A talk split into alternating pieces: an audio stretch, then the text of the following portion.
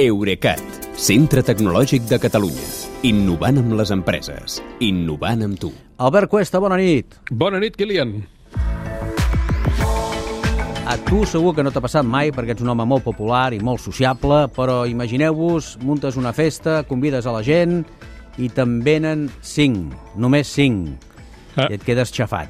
Bé, doncs això és el que li ha passat, si fa, si fa no fa, eh, diguem-ne, a la Comissió Europea, que ha convidat els joves, així en genèric, i per tant poden ser uns quants, a una festa al metavers, i Mhm. només n'hi apareixen cinc de- d'aquests joves, cinc persones. Això és un fracàs, no? Uh, jo trobo que és un ridícul absolut.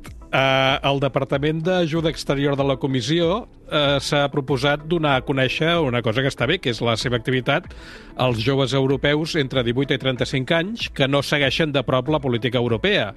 I no se'ls va acudir millor manera de fer-ho als funcionaris de Brussel·les que convocar dimarts passat al vespre una festa virtual al metavers on els participants, o, o, més aviat els seus avatars, podrien ballar al ritme de la música que, aniria, que anava intercalada amb vídeos informatius sobre aquestes iniciatives exteriors de la comissió. Uh, prèviament, des de mitjans d'octubre, la festa s'havia estat promocionant amb anuncis a TikTok, a Twitter i a Instagram, i tot això Uh, quan va arribar el dia 29, només es van connectar, com deies, cinc persones, suposadament ciutadans, més un periodista d'una web especialitzada en ajuda al desenvolupament exterior, que és qui ha explicat la magnitud d'aquesta tragèdia virtual, també.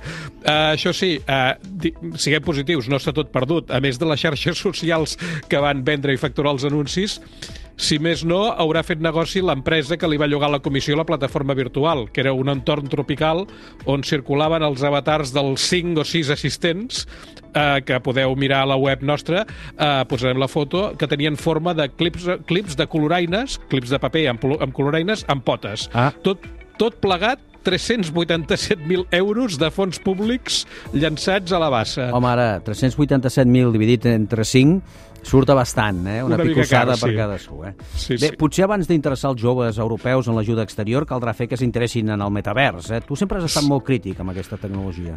Uh, ho soc amb el seu estat actual, que és molt incipient i no veig que aporti res més que frustració a les aplicacions, a les obligacions per consumidors, eh? que quedi clar.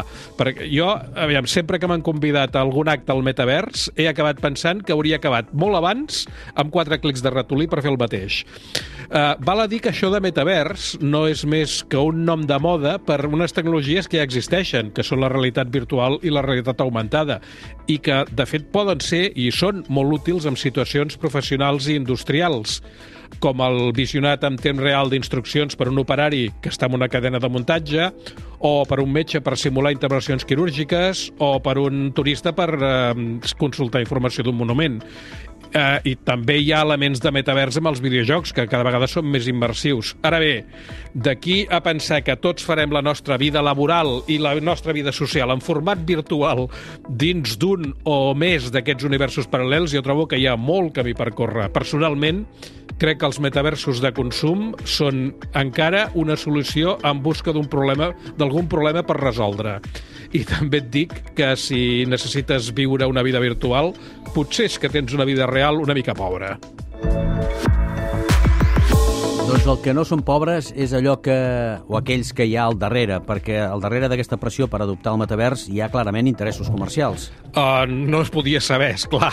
Uh, per una banda, les empreses que construeixen en- universos virtuals, com, com aquesta que dèiem abans, estan fent diners llogant-los a d'altres empreses o organismes ansiosos de notorietat.